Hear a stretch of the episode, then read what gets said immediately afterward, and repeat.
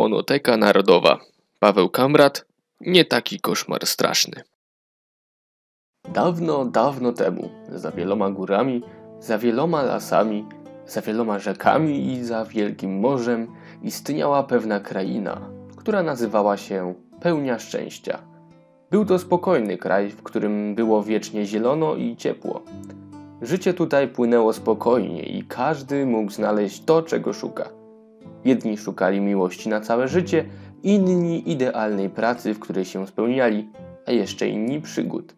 Mówiąc krótko, była to kraina mlekiem i miodem płynąca i stąd też właśnie wzięła się jej nazwa. W samym środku pełni szczęścia, na bardzo wysokim wzgórzu, stał zbudowany z białego kamienia ogromny zamek. Miał on 10 strzelistych wież, pokrytych czerwoną dachówką i wysokie mury, których widniały cztery wielkie bramy. Były one zwrócone we wszystkie cztery strony świata i zawsze stały otworem na znak gościny. Zamek był domem dla rodziny królewskiej, której głową był król Kor. Był on wysokim, przystojnym i dobrze zbudowanym mężczyzną o bujnej czarnej brodzie i długich, zadbanych włosach w takim samym kolorze. Miał też zielone oczy. Królowa jego żona nazywała się Kaja i była niewysoką kobietą o długich, prostych włosach w kolorze miodu. Miała piękne niebieskie oczy i zawsze serdecznie i łagodnie się uśmiechała.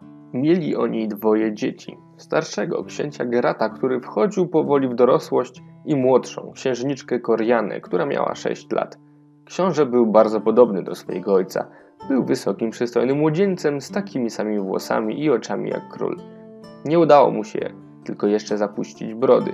Księżniczka z kolei miała zawsze wesołą i roześmianą buzię. Jasne włosy kręciły się jej na niczym sprężynki, a jej duże zielone oczy były wiecznie ciekawe otaczającego świata. Wraz z nimi żyła tutaj liczna służba, kucharze, stajenni straż, a także stara niania, której na imię było Alberta i która była tak stara, że zajmowała się nawet królem Korem, kiedy ten był jeszcze malutkim księciem. Wszyscy kochali starą Albertę, a księżniczka Koriana najbardziej. Wszyscy w pełni szczęścia kochali króla Kora i królową Kaję, ponieważ bardzo troskliwie opiekowali się swoimi poddanymi. Wszystkich uważnie słuchali i zawsze starali się pomagać w rozwiązywaniu problemów swojego ludu. Król Kor był wysokim, przystojnym i dobrze zbudowanym mężczyzną, więc pomógł nawet młynarzowi, któremu było na imię Edgar, gdy jego wiatrak spłonął i trzeba było zbudować nowy. Pracował w pocie czoła na równi z innymi i mimo, że był królem, to wcale nie bał się ciężkiej pracy. Królowa Kaja z kolei była kobietą łagodną, cierpliwą i o wielkiej mądrości. Zawsze służyła radą w rozwiązywaniu sporów, choćby wtedy, gdy dwóch braci, Czcibor i Dobromir, pokłócili się o to, którego z nich praca jest ważniejsza, ponieważ jeden był mistrzem w wykuwaniu podków dla koni, a drugi robił doskonałe narzędzia. Każdy uważał, że jego praca jest najważniejsza i powinni więcej zarabiać. Królowa wysłuchała obu braci i powiedziała, że żadna praca nie jest na tyle ważna, aby rodzeństwo przez to się nienawidziło. Czcibor i Dobromir posłuchali dobrej rady mądrej królowej i pogodzili się.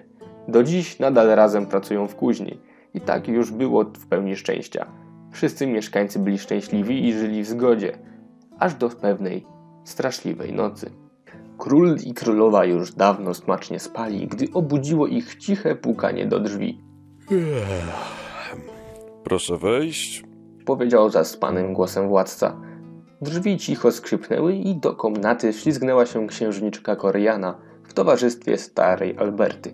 Dziewczynka była zapłakana i mocno tuliła do siebie swoją maskotkę, wydrę Paulinę. Co się stało, moja kruszynko? Powiedziała łagodnym głosem królowa Kaja. Boję się Wydukała Koriana. Czego się boisz, kruszynko? wielkiego stracha. A kim jest ten wielki strach? Zapytał króla, a księżniczka zaczęła szlochać. Przytulili ją nieco mocniej. Wasza wysokość, Trąciła stara Alberta. księżniczka Korcia ma koszmary. Król posmutniał i troskliwie pogłaskał córeczkę po jej długich włosach. Korianko, możesz dziś spać z mamusią i tatusiem. Księżniczka otarła policzki z łez, pokiwała głową i wsunęła się pod kołdrę. Dziękujemy ci, Alberto, że ją przyprowadziłaś. Możesz wracać do siebie, a jutro porozmawiamy i pomyślimy, co z tym zrobić. Alberta lekko skinęła głową. Dobranoc, Moja królowo i mój królu, wygońcie te koszmary. Minęło wiele dni, a księżniczkę Korianę wciąż dręczyły nocne mary. Król i królowa próbowali wszystkiego, aby uwolnić swoją córeczkę od tych koszmarów. Posyłali po lekarzy i znachorów, wieszali w komnacie dziewczynki przeróżne zioła, łapacze snów i różne inne dziwy. Sprowadzili nawet z drugiego końca świata sławnego czarownika, ale i jego magiczne sztuczki nic nie wskórały. Koszmary nadal co noc nawiedzały księżniczkę. Czasami przez kilka nocy nic się nie działo i Koriana spała jak suseł, ale nocne strachy zawsze wracały. Para królewska bardzo się niepokoiła tą sytuacją i każdą chwilę poświęcali na szukanie rozwiązania tego problemu. Pomagał im ich syn, książę Gerard. Znalazł on małego białego kota z małą czarną plamką na czubku głowy, którego nazwał Kropek.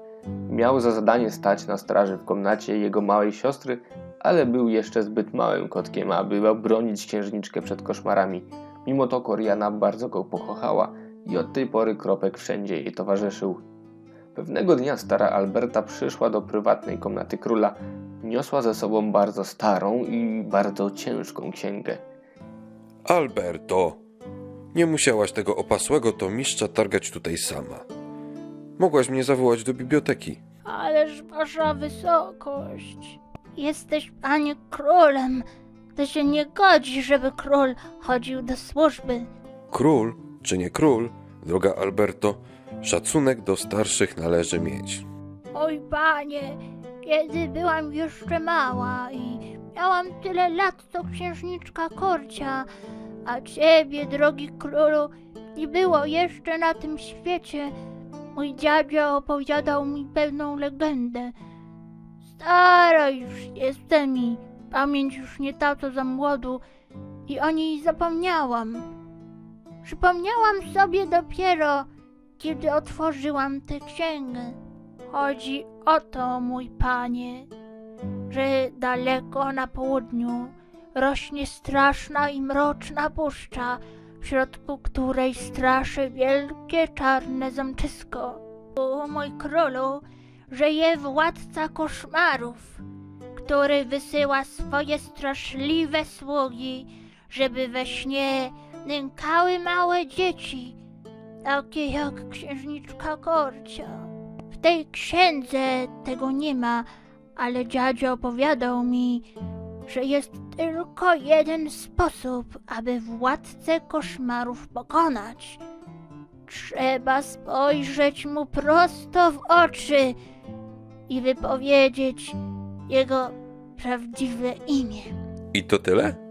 To takie proste? To nie jest wcale takie proste, mój panie, Niby dlaczego? bo władca koszmarów jest tak bardzo straszny, że podobno nikt nie jest w stanie spojrzeć mu w oczy. No i dawno temu pozamykał w lochach swojego zamczyska wszystkich, którzy znali jego prawdziwe imię. I to jest bardzo przebiegły i okrutny potwór, mój królu. Król zmarszczył brwi i się zamyślił. Po chwili stał i powiedział: Droga Alberto, nawet jeśli ten władca koszmarów jest tak przebiegły i straszny, nic nie stanie mi na przeszkodzie, żebym mógł pomóc ukochanej córeczce. Kor zaczął szukać na wielkiej mapie, która wisiała na jego ścianie, zamczyska władcy koszmarów. Wasza wysokość, to będzie bardzo niebezpieczne zadanie, ale jeśli mogę ci jakoś pomóc, to wiesz, gdzie mnie znaleźć. Alberta wstała, ukłoniła się i ruszyła ku wyjściu z komnaty. Dziękuję ci, Alberto. Moja rodzina ma wielkie szczęście, że chcesz u nas służyć. Król Kor znalazł na strychu zakurzony kufer, w którym schował wszystkie swoje rzeczy z czasów, gdy był jeszcze młodym rycerzem. Po kolei wyciągał lśniącą mimo lat zbroję, tarczę, na którym widniała złota podkowa, symbol pełni szczęścia, miecz, który odziedziczył po swoim ojcu, a także magiczną mapę znalezioną podczas jednej z wielu przygód. Magia owej mapy polegała na tym, że zawsze wskazywała właściwą i najkrótszą drogę do celu podróży. Po odnalezieniu całego ekwipunku Kor zszedł do stajni, aby przygotować swojego wiernego towarzysza w wielu podróży, czyli konia, któremu na, na imię było traktat. Był to koń tarantowaty, czyli biały w brązowe centki. Historia przyjaźni króla i traktata jest niezwykle ciekawa, gdy jako młody rycerz Kor podróżował po świecie w poszukiwaniu przygód, doszły go słuchy, że zły smok uwięził w starej wieży pewnego czarodzieja. Jako że rycerski kodeks nakazuje pomagać ludziom w potrzebie, bez względu na to, czy chodzi o chłopa, szlachcica czy o czarodzieja, Kor natychmiast ruszył z pomocą uwięzionemu, który, jak się później okazało, miał na imię Szalonobrody. Smok okazał się bardzo trudnym przeciwnikiem i już po chwili było wiadomo, że jedyny sposób, aby czarodzieja uwolnić, to przechytrzyć smoka. Kor tak długo siedział na wzgórzu nieopodal wieży, że smok, bojąc się zostawić swoją ofiarę bez nadzoru, w końcu zgłodniał.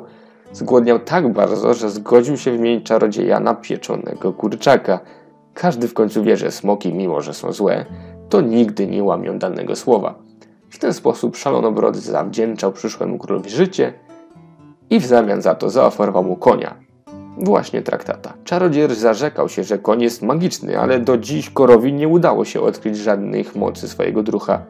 Pewnie szalonobrodemu się coś pomyliło, bo dziwny był to człowiek, choć o złotym sercu. Zostali jednak przyjaciółmi na zawsze i regularnie wymieniali się listami. Na dziedzińcu zamku król był już niemal gotowy do drogi. Wszyscy przyszli się z nim pożegnać i życzyć mu powodzenia. Oczywiście na czele z jego rodziną księżniczka Koriana płakała. Gdzie jedziesz, tatusiu? Kor klęknął przy córeczce, mocno przytulił i spokojnym głosem powiedział: Jadę przegonić twoje koszmary, Kruszynko, żebyś znowu mogła spokojnie spać. A długo cię nie będzie? Wrócę tak szybko, jak tylko będę mógł. Księżniczka podarowała mu pluszową wydrę Paulinę. Proszę, tatusiu. Paulinka będzie pilnować, żeby się tobie nic nie stało. Kor oczywiście przyjął zabawkę i natychmiast znalazł jej honorowe miejsce w jukach, czyli rodzaju toreb przyczepianych do siodła konia. Król wskoczył na traktata i machając do wszystkich wyruszył przez jedną z otwartych bram w stronę zachodzącego słońca. Cała rodzina wraz ze służbą patrzyła jak odjeżdża. Patrzyli tak długo, aż stał się tylko malutką postacią gdzieś daleko i w końcu całkiem zniknął. Król jechał wiele dni i wiele nocy. Magiczna mapa wskazywała mu właściwą drogę, ale do mrocznego zamczyska władcy koszmarów było jeszcze daleko. Po drodze mijał małe wsie, które należały jeszcze do jego włości. Poddani witali go z szacunkiem i nieopisaną radością. Kor chętnie gościł mieszkańców kolejnych wsi, zapraszając ich z wdzięczności do swojego zamku, jak tylko wróci z wyprawy. Podróżując dalej, zatroskany ojciec w końcu opuścił granice swego kraju, pełni szczęścia. Wędrował teraz po dzikich terenach, których, jak się zdaje, jedynymi mieszkańcami są różnorakie zwierzęta. Pewnego dnia, jadąc powoli starą drogą w środku zielonego lasu, w dali ujrzał jakąś postać. Ostrożnie podjechał bliżej i zobaczył, że jest to kobieta o zielonej skórze, ubrana w suknię z liści i trawy. Na głowie miała koronę z gałązek i młodych liści, a w dłoniach trzymała harfę. Król zsiadł z konia i unosząc rękę na znak pokoju podszedł do kobiety. Witaj, pani. Kobieta delikatnie zagrała na harfie i odpowiedziała śpiewająco. Witaj, o dziwny wędrowcze. Obawiam się, że tutaj kończy się twa droga. Proszę cię, abyś zawrócił i nie niepokoił mojego królestwa, którym jest ten las. Ale ja nie chcę zakłócać spokoju twojego królestwa, pani. Wielu przed tobą było tu takich i nie każdy dotrzymywał obietnic. Boję się, że i ty złamiesz dane słowo. A musisz wiedzieć, że jestem królową lasu i muszę dbać o to, aby jego mieszkańcom nie stała się żadna krzywda. Doskonale cię rozumiem, królowo lasu. Musisz wiedzieć, że ja również jestem królem. Mój kraj nazywa się Pełnia Szczęścia i leży na wschód od twojego lasu. Powiedz mi proszę, co mogę zrobić, abyś mi zaufała i pozwoliła przejść przez twoje królestwo? Wiem, kim jesteś, królu z kamiennego zamku, i wiem, jaki jest cel twojej podróży. Wszystkie leśne zwierzęta, również te w Twoim kraju, są moimi poddanymi. Jeżeli chcesz przejść, to musisz mi udowodnić, że jesteś godny zaufania i poddać się próbie. Jaśnie pani, jeżeli takie są prawa w twoim lesie, to tak też uczynię. Bardzo się cieszę. Twoja próba będzie polegała na obronieniu się przed siłami przyrody. Będzie ona niebezpieczna i będzie wymagała od ciebie zarówno siły, jak i mądrości. W tym samym czasie, gdy to mówiła, zaczęła powoli znikać i rozwiewać się na wietrze niczym leśna ściółka. Tymczasem muszę cię opuścić, ale wiedz, że życzę ci powodzenia i mam nadzieję, że okażesz się człowiekiem godnym zaufania. Tak, jak twierdzą moi leśni poddani. Kor został ze swym koniem na starej dróżce w środku lasu. Zapadła niemal kompletna cisza. Było jedynie słychać szum wiatru w koronach drzew i śpiewy ptaków, które wesoło pląsały gdzieś w górze. Król czekał, aż w końcu po chwili zobaczył, jak za jednego z dębów wychodzi wielki, czarny niedźwiedź. Na ten widok Kor wyciągnął z pochwy swój miecz, a w drugą rękę chwycił tarczę. Cały czas obserwował straszliwego niedźwiedzia. Był jednak człowiekiem mądrym i po chwili przypomniał sobie słowa królowej lasu, która mówiła, że próba będzie wymagała od niego siły i mądrości oraz że ma to być obrona przed siłami przyrody, a nie walką z nią. Schował więc miecz do pochwy i bardzo mocno chwycił tarczę. Niedźwiedź machnął wielką łapą, ale Kor zdołał się przed nim obronić. Po chwili uniósł drugą, ale i przed tym ciosem król się zasłonił. Zwierzę ciągle atakowało, ale Kor jedyne co robił, to zasłaniał się przed pazurami swoją tarczą. Trwało to długo i król był już coraz bardziej zmęczony, aż w pewnej chwili niedźwiedź złagodniał i przestał atakować. W tym samym momencie zerwał się przyjemny wiatr i na grzbiecie zwierzęcia pojawiła się królowa lasu. Uśmiechnęła się serdecznie i przygrywając na swojej harfie powiedziała Brawo! Okazałeś się przyjacielem lasu, królu korze. Pokazałeś, że nie tylko jesteś sprawny i silny, ale również mądry i wiesz, że przyrodę trzeba szanować. Dzielnie się broniłeś, ale nie skrzywdziłeś bezmyślnie mojego niedźwiedzia, choć mogłeś to zrobić. Pani, w moim kraju każdy wie, że my również jesteśmy częścią przyrody i to, że jesteśmy mądrzejsi od zwierząt, oznacza tylko, że musimy się nimi opiekować, a nie je krzywdzić. Możesz teraz odpocząć, drogi przyjacielu. Bardzo bym chciał, ale czas mnie goni. Muszę sprawić, aby władca koszmarów przestał wysyłać swoje sługi, które straszą moją ukochaną córkę. Rozumiem cię. To bardzo szlachetne, gdy ojciec tak się poświęca dla swojego dziecka. Ale musisz odpocząć, bo jeśli będziesz głodny, niewyspany i zmęczony, to twoje trudy spełzną na niczym i wcale ci dobre chęci nie pomogą.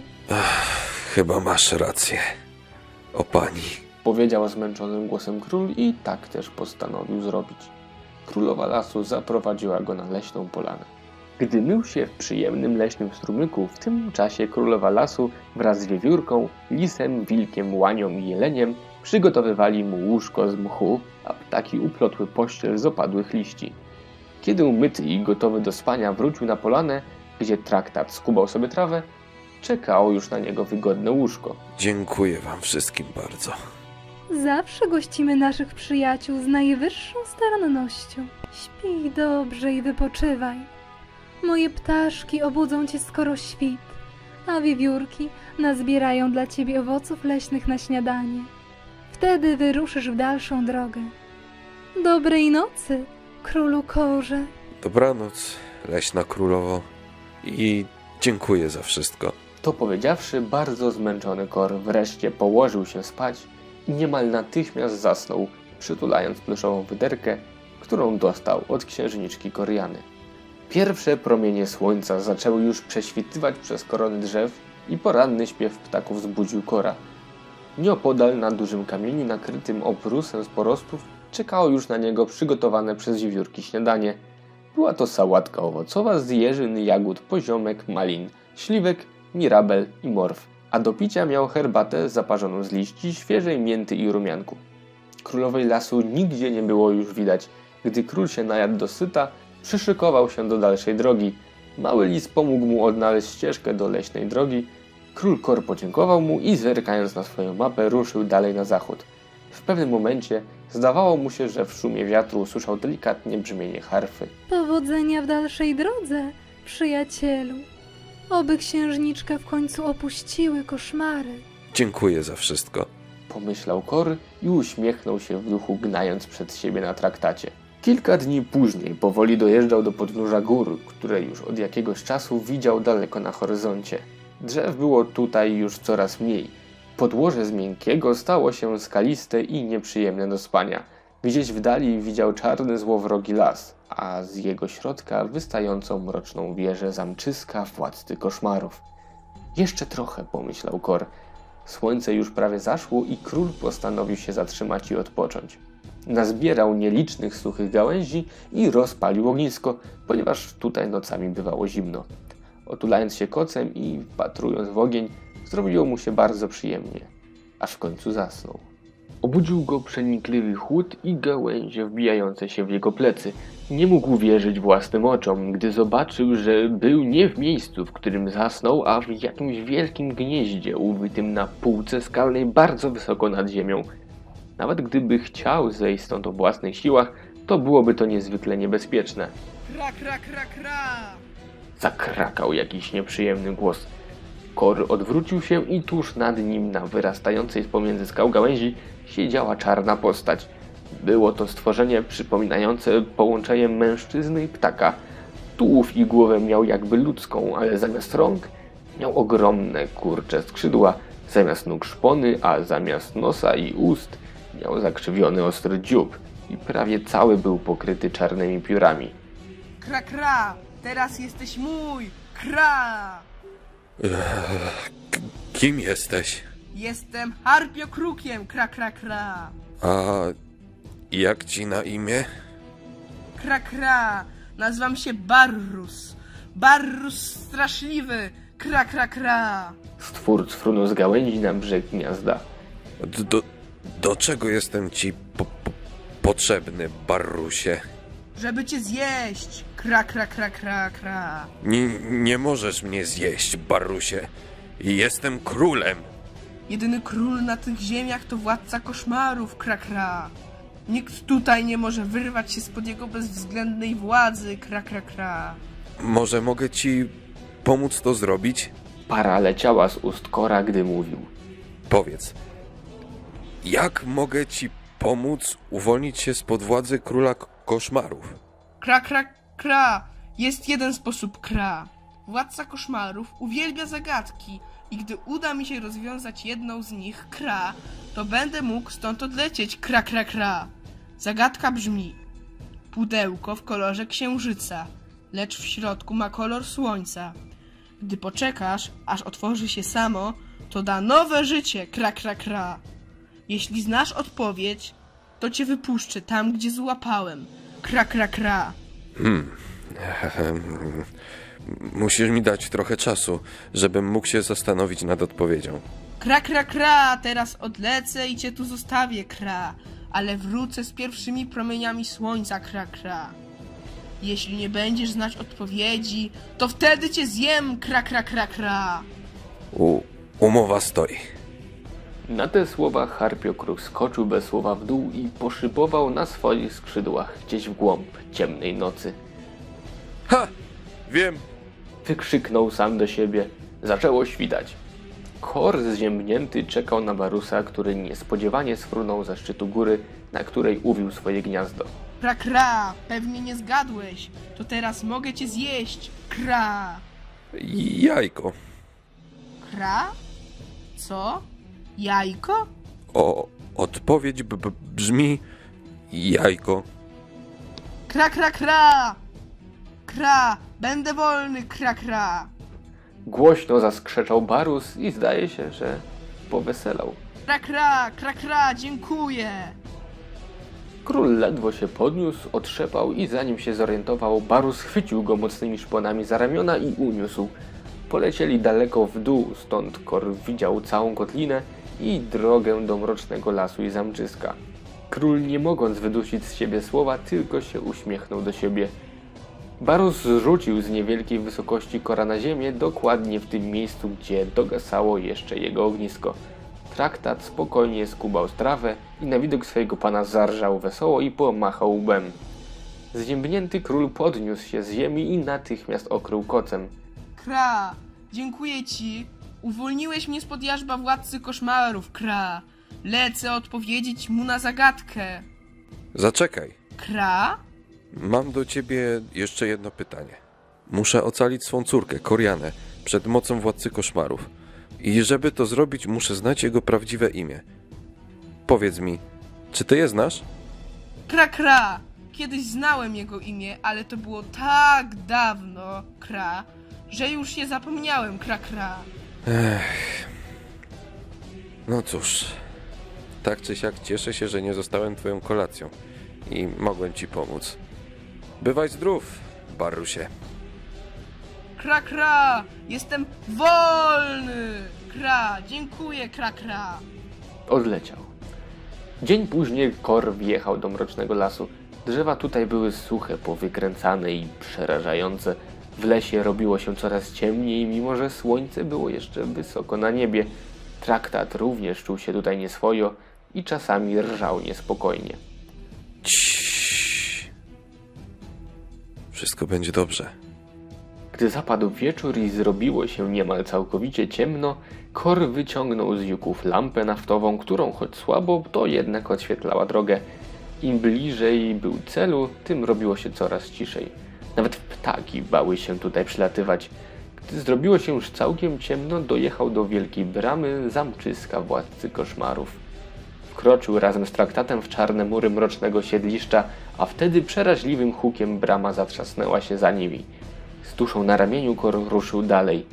Nie miał już odwrotu.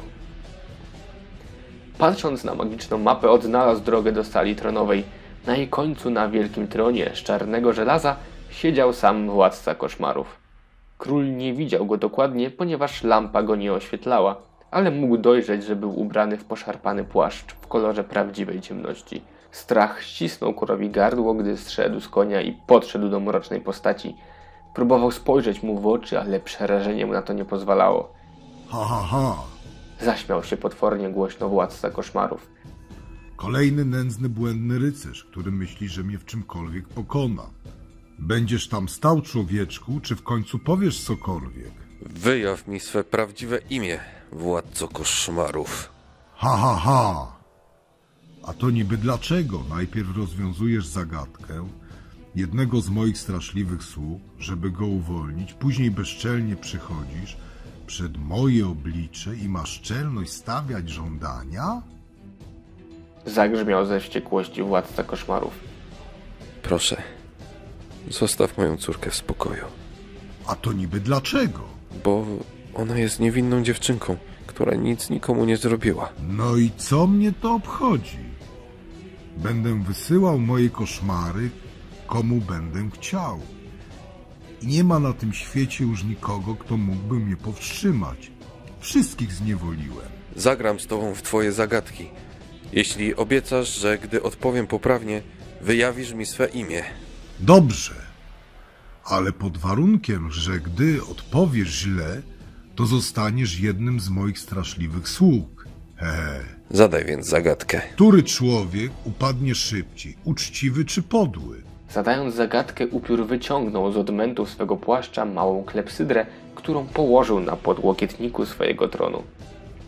Kor uśmiechnął się szeroko do siebie i w pewniejszym głosem powiedział To jest podchwytliwa zagadka, lecz wyjątkowo prosta. Na te słowa władca upiorów zaczął powoli wstawać. Odpowiedź brzmi: Jeśli człowiek żyje tak, że nazywają go podłym, znaczy, że upadł już dawno. Król spróbował raz jeszcze spojrzeć w oczy upiorowi, lecz nadal nie mógł. Arr, oszukiwałeś. Wskazał wielkim paluchem na Kora. Znałeś odpowiedź wcześniej. Odpowiedź jest poprawna. A teraz, upiorze, dotrzymaj swojej części umowy. Nigdy. Władca koszmarów wstał z tronu i nadal wskazując króla wrzasnął. Brać go! W tym momencie ze wszystkich zakamarków wielkiej sali zaczęły wypełzać przeróżnej maści strachy, które król znał z odpowiadań starej Alberty o potworach z szafy, z podłóżka i z ciemnej piwnicy. Było ich coraz więcej. Chwytały go za nadgarstki, za kostki i za gardło, ciągnęły za włosy. Kory próbował z nim walczyć, ale bez skutku, a władca koszmarów śmiał się na ten widok. Nagle usłyszał znajome krakanie i do sali tronowej przez okno wleciał Barus. Kra, kra, już pamiętam, kra.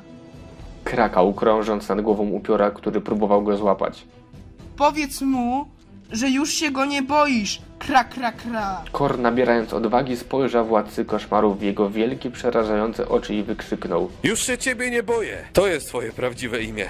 Już się ciebie nie boję!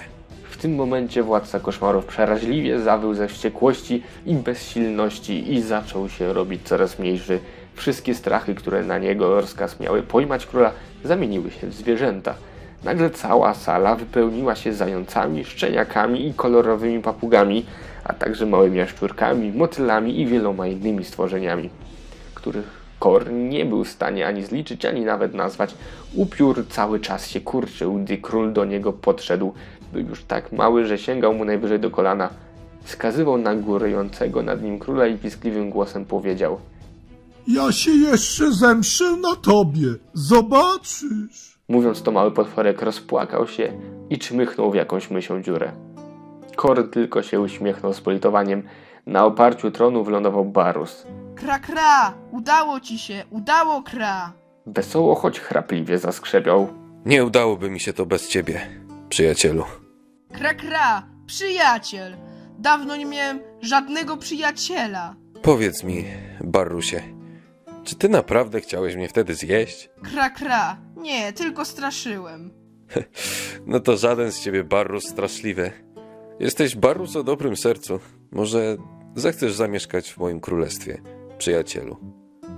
Uwijesz sobie gniazdo na jednej z moich wież. Kra, kra, kra, dziękuję, ale muszę wracać do swojego domu, kra, kra. Muszę przeprosić królową lasu i może znowu pozwoli mi zamieszkać na mojej starej wierzbie, kra. Rozumiem. Wszędzie dobrze, ale w domu najlepiej.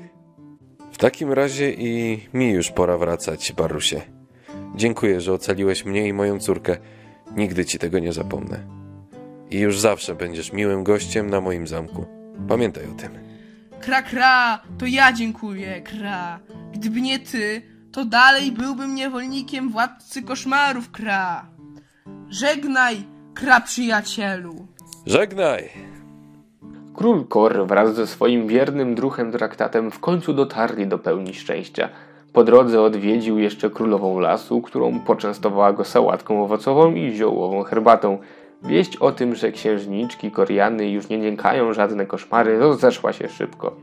Gdy dojeżdżał do zamku, to zebrany tłum wiwatował na jego cześć. Księżniczka wyrwała się swojej mamie z objęć i pobiegła przytulić tatę.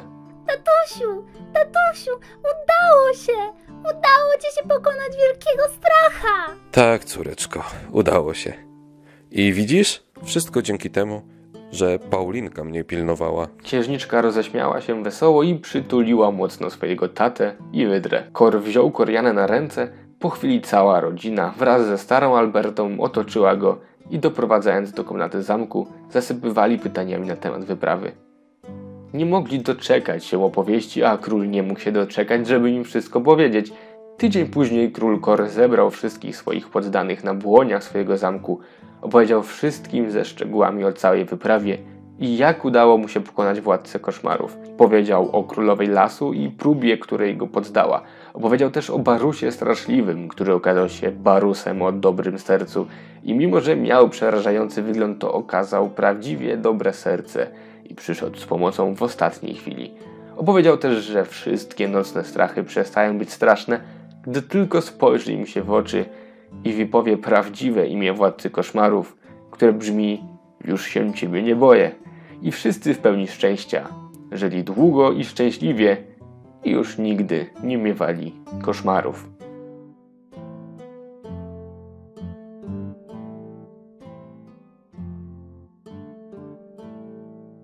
Fonoteka Narodowa przedstawiła bajkę Pawła Kamrada Nie taki koszmar straszny. Wystąpili Zuzanna Okulska-Bożek, Paweł Król, Paweł Kowalski, Jan Woźniak, Piotr Woźniak. Opracowanie muzyczne, montaż i reżyseria Paweł Król. Ilustracja Zuzanna Okulska-Bożek.